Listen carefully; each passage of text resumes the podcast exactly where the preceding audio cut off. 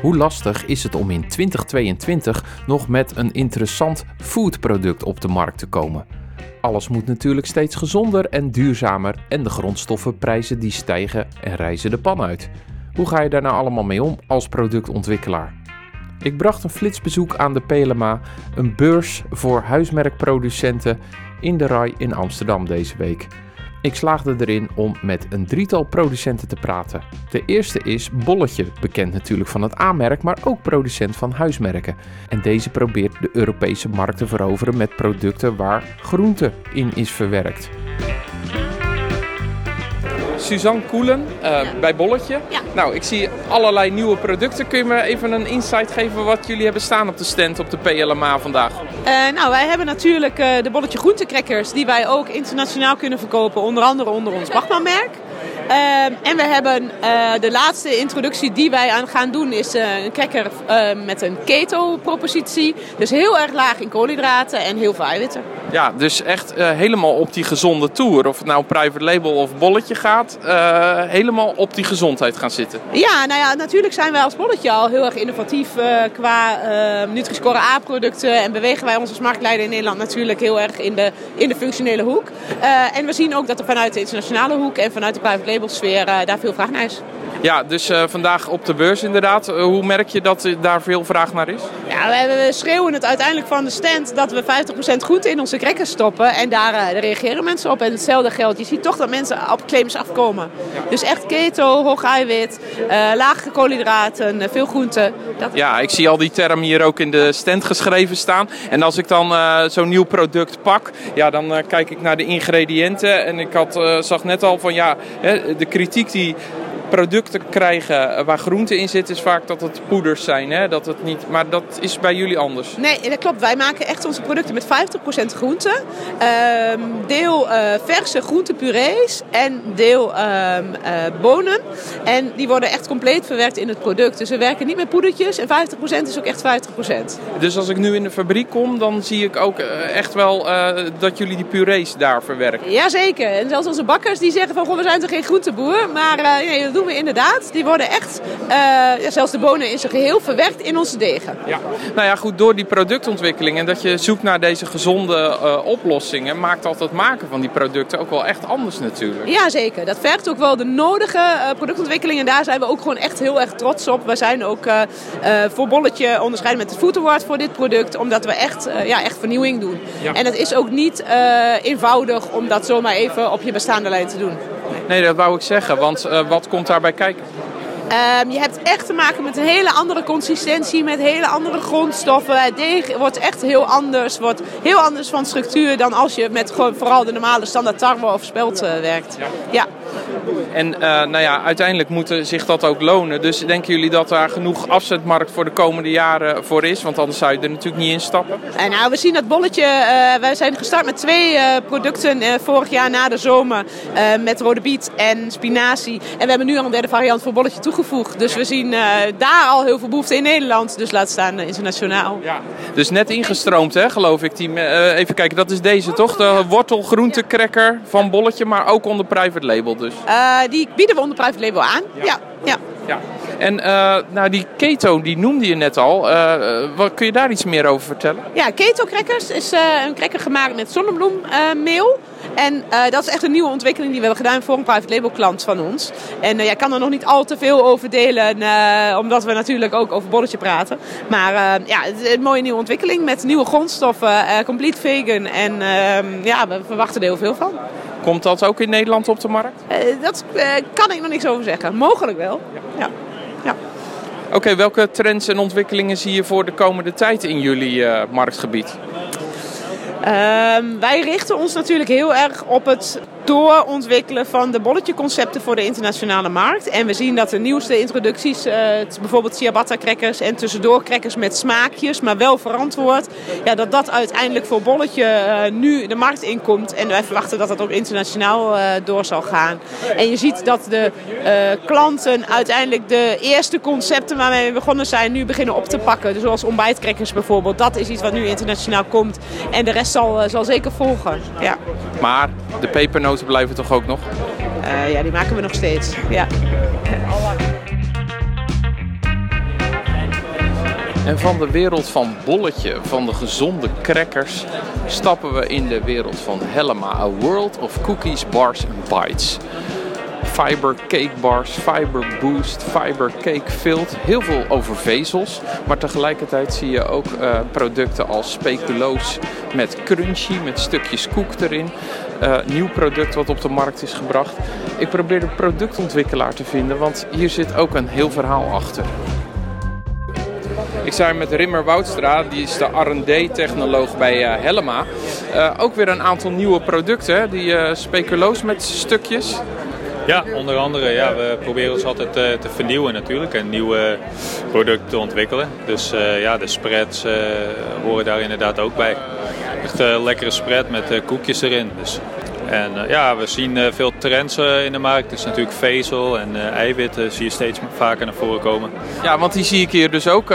fiber cake bar, fiber boost, 30% minder suiker, maar wel dus veel vezels erin. dat is inderdaad een trend die gaande is. Maar hoe, hoe proberen jullie daarop in te spelen? Ja, nou ja, je moet een product maken met minder suiker en meer vezel. Dus ja, je moet kijken hoe je producteigenschappen behoudt. En ja, dat, dat originele product zo goed mogelijk benaderen. Ja. Je zit natuurlijk hè, met Helma in de markt van, van koekjes, lekkere dingen.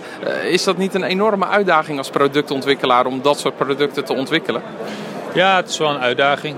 Maar dat maakt het natuurlijk ook wel leuk dat je moeilijke dingen moet doen. Maar ja, uiteindelijk is het ja, de aard van het product wel dat je ervan geniet over het algemeen. Dus het moet altijd lekker blijven. Dat blijft het ook, ook al zit er minder suiker in, ook al zit het bordevol vezels? Ja, dat blijft altijd lekker. Anders dan uh, gaan we het niet doen. Ja. Nee, dat is ook uh, een hele belangrijke trend. Als je alle trendrapporten erop naslaat, het mag gezond zijn, het mag duurzaam zijn, maar lekker blijft toch altijd stiekem bovenaan staan, hè? Ja, zo is het. Ja. We zitten nu natuurlijk in een rare tijd met stijgende grondstofprijzen. Hè? Dus uh, door de oorlog en zo. Nou, dat zullen jullie ook ongetwijfeld merken. Dat, uh, dat kan niet anders. Uh, dat zal invloed hebben op de prijzen van de producten. Maar beïnvloedt dat ook nog jouw werk als productontwikkelaar? Dat je zegt van nou, ik hou bepaalde, ja, ik gebruik bepaalde grondstoffen niet meer of ik maak andere keuzes daarin. Ja, je ziet nu al bij bestaande producten dat soms uh, grondstof niet meer beschikbaar is of niet meer beschikbaar zal zijn op een bepaald ogenblik. Heb je daar nu al last van? Ja, daar heb je nu, daar heb je nu al mee te maken. Dus, Voorbeeld? Ah, je weet, zonnebloemolie is natuurlijk lastig omdat iedereen het ja, in bulk inslaat op voorraad. En daardoor is er nu een tekort. maar ja, dan moet je, daar moet je dus ook naar kijken, zulke soort ontwickelingen. Maar voor de toekomst ik zou niet heel snel uh, nu andere ingrediënten gaan gebruiken dan ik zou willen, maar je houdt er wel rekening mee. Ja. 95% begreep ik hè, van Helma is private label. Wat jullie doen, geloof ik. Zo ja, ongeveer. Volgens mij ietsje minder, maar ja. wel ongeveer. Ja. ja. En uh, nou ja, dat, ik kan me voorstellen dat het voor een groot deel dan ook wordt bepaald door de retailers. Wat voor soort producten jullie maken. Hoe ga je daarmee om? Ja, dat klopt. Wij doen uh, wel veel uh, op aanvraag van de retail, maar wij ontwikkelen ook zelf. Zodat we dat dan eventueel kunnen aanbieden. Ja. En dan is het ook al direct klaar. Dus dan ja, is dat, dat is best wel handig. Ook dat je je proces al kun, hebt kunnen testen. Ja. Maar ja, de retail bepaalt uiteindelijk wat er in de, in de schappen komt te liggen bij ons van de vanuit private label. Dus inderdaad, ja, als het duurder wordt of uh, het, is, uh, het is minder lekker. Of, ja, het zijn allemaal zaken die wel meespelen. Ja. Maar door die stijgende grondstofprijzen, kijk, de retailers zijn er altijd erg op gebrand om die prijzen laag te houden. Wordt het daardoor uh, lastiger dat je in een prijssqueeze zit nu? Ja, ik denk dat dat wel een bekend verhaal is. Ja. Maar daar heb je uiteindelijk geen invloed op. En ja, de prijzen die, van de grondstof die, die stijgen. Ja. Dat, uh, dus de producten zullen ook duurder worden. Ja. ja, van de week werd natuurlijk bekend, of er was een berekening van de Consumentenbond dat aanmerken 10% duurder waren geworden en uh, huismerken het afgelopen jaar 7%. Dus toch minder. Dus je kan minder aan de prijs toevoegen. Dus ja, of dat inderdaad invloed heeft op zeg maar, het ontwikkelen van producten, of dat dat remmend werkt.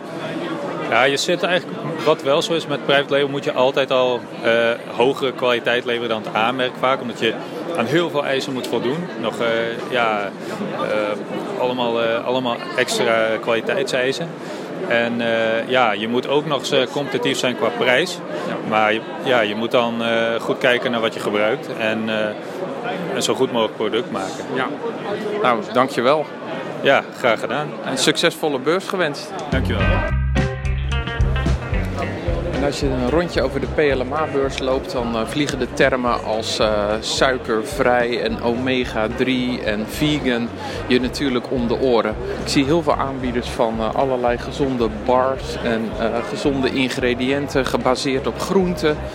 Um, en natuurlijk vlees- en visvrije alternatieven. En zo ook hier. Ik sta nu bij de stand van Bon Mush. Uh, dat is een uh, ja, jong bedrijf eigenlijk, opgericht in uh, 2020.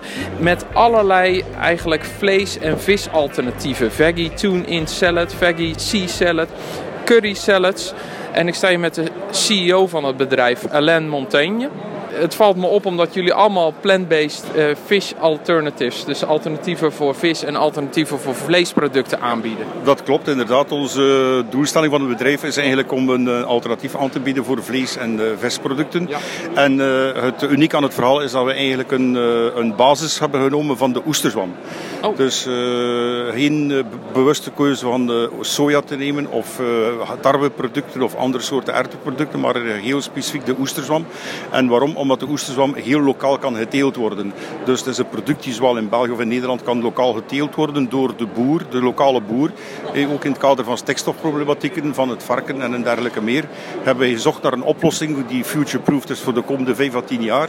Waarbij we dus heel lokaal een oesterzwam kunnen kweken waarvoor je geen water, geen oppervlakte, geen grond nodig hebt.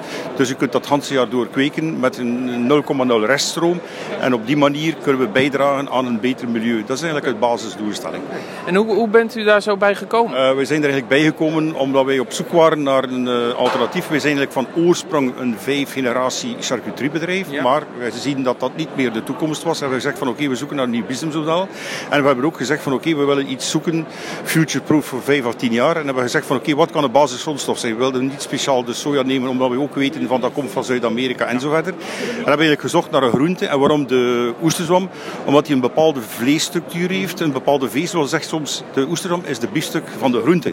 En dat hebben we juist nodig, die vezel hebben we nodig. En langs de andere kant, de oesterzwam is ook bekend voor zijn umami-smaak. Ja. En dat, die umami-smaak draagt dan beter bij tot het kunnen imiteren van bepaalde producten, zoals een krab, zoals een ham, zoals een kip en zo verder. Ja, nou ja, die umami-smaak, ja, daar heb je heel veel over gehoord de afgelopen jaren. Die zit in heel veel producten en dat werkt dus met, door die oesterzwam gewoon heen en ja. dus in al die producten. Ja, en die accentueert nog beter de andere smaken van ja. de producten. Ja. Ik uh, zie dat jullie ook dingen uitdelen. Ik wil zo wel wat proberen eigenlijk. Ja, ja, ik zou zeggen, uh, tast gewoon eventjes toe. Een toastje van uh, de sea salad noemen wij dat. Dus wij hadden het ook heel bewust, doen wij dat ook de sea salad, omdat wij dus zeggen van oké, okay, wij willen niet het, het, het oorspronkelijke krabsalade of het surimi salade noemen, omdat wij een product willen op de markt brengen die zijn eigen eigenheid heeft. Ja. Dus niet echt zeggen van oké, okay, is vervanging van, maar dat we een product op de markt brengen onder de naam Sea, Sea Salad. We hebben Sea Salad, we hebben Sea Burger, een Sea Stick. Ja. En zo een eigenheid proberen te creëren. Dus ja, want uh, dat zie je natuurlijk vaak, hè, dat uh, producenten van vleesvervangende producten zich vaak ook in hun naamgeving ja. wat meer afzetten of, of die naamgeving uit de vlees of uit de zuivel of uit de visindustrie gebruiken. Maar u zegt eigenlijk van doe dat niet. Wij, wij proberen dat niet te doen, omdat wij gewoon zeggen van oké, okay, wij willen een plaats naast. Dus wij willen niet echt iedereen vervangen of kopiëren. Het is gewoon wij willen een, naast, ja. een product naast de normale producten. En het is aan de consument om te kiezen. En wat wij vooral willen brengen, wij willen een lekker product brengen. Dus het vegetarische in het verleden heeft soms wel een keer ja, een negatieve inklank. Ja. Waardoor we zeggen van oké, okay, wij hebben als doel de flexitariër een, om goed alternatief te brengen. Ja. Want in de gezinnen, ja, het is raar om te zeggen, jonge mensen, ja, veel vegetarisch, veganisten zitten ertussen. Ja, wij willen een product brengen dat ook de papa en de mama ergens ook kunnen zeggen van oké, okay, ja, dat is geen straf niet meer om ook een keer met de kinderen een vegetarisch broodje te eten die op basis is van de sea salad. En dat het ook een bepaald bevredigend gevoel heeft van oké, okay, het is geen straf om vegetarisch te gaan eten. Ik vond dit ook geen straf, dit toastje wat ik net op heb. Ik vond hem erg lekker. En inderdaad, uh, houdt zeker stand tegen de, de reguliere alternatieven van inderdaad zo'n krabsalade bijvoorbeeld. Ja. Dus uh, proficiat daarvoor. Okay. Maar um, ja, uh, loopt het? Rolt het uit? Jullie ja, zijn in, absoluut. We zijn nu begin dit jaar gestart in Albert Heijn Nederland. Dus ook Albert Heijn België. En ja. dat product komt van de grond en het wordt geleidelijk aan gekend door de consument. En op die manier proberen we toch het product kenbaar te maken. Ja. En ik denk denk het voordeel van Bonus is ook dat wij het allemaal zelf produceren. We zijn dus niet echt geen marketingbedrijf uh, die enkel dus een product laat maken en dan de marketing tegenover zet om te commercialiseren. Nee, wij doen alle productontwikkeling zelf. Wij maken alles zelf in huis. U zit als CEO ook zelf aan de productontwikkeling tafel? Ja, absoluut, absoluut. Wij hebben een, een team van, uh, van mensen waarbij ik ook samen... Ik heb mijn rol. Uh, wij hebben Caroline die de oprichter is van het Bonbus verhaal, is apotheekster van opleiding. we hebben een bio-ingenieur, een in, in, in dienst die we samen... En dan hebben we eigenlijk een klassieke beenhouwer van vroeger die altijd zijn eigen charcuterie maakt. Het enige verschil dat hij nu kan doen is van zich botten vieren in plaats van met vlees. Dat we dus met ons eigen tussenproduct gaan werken en zo de afwerkingproducten gaan maken zoals in het, uh, in het verleden dat hij deed in zijn klassieke slagerij. Maar hoorde ik u dan eigenlijk zeggen, dat het scheelt eigenlijk niet zoveel? Hoe bedoel je het? Nou, als je het vergelijkt met het vleesproduct. Uh, qua behandeling, qua hoe je het... Wel, dat is juist, met dezelfde machines kun je eigenlijk het, hetzelfde, het, kun je, met dezelfde machines kun je het product voor produceren. Dat is eigenlijk wel de basis, ja. ja. Oh, wat leuk om te horen. En uh, nou ja, goed, uh, wat zijn de plannen voor de toekomst?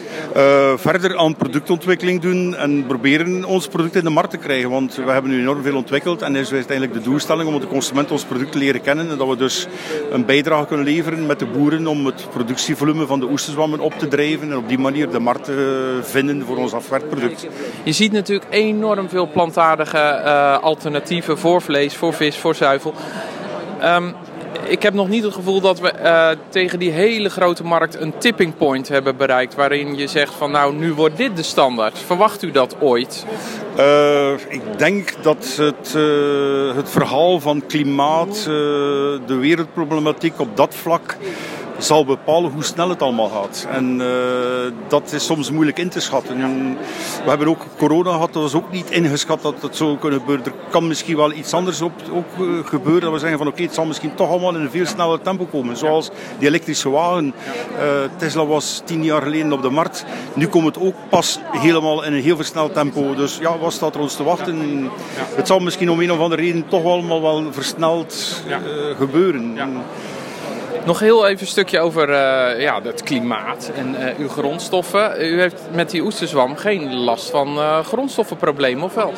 Nee, want als je weet hoe een grondstof wordt, de oesterzwam wordt gekweekt, eigenlijk heb je, de basis is stro. Dat wordt onder een bepaalde manier verwerkt. Dat wordt geïnd met mycelium. En van daaruit groeit de oesterzwam. En wij bootsen eigenlijk de herstenen in een bepaalde geklimatiseerde omstandigheden door op bepaalde parameters te spelen vochtigheid, licht uh, uh, en dergelijke meer. En het voordeel is van dat die substraatzak als zij dus volgroeid is en geplukt en geoogst is, is het een circulair in die zin dat wordt dan een meststof om op het uh, land te bestrooien.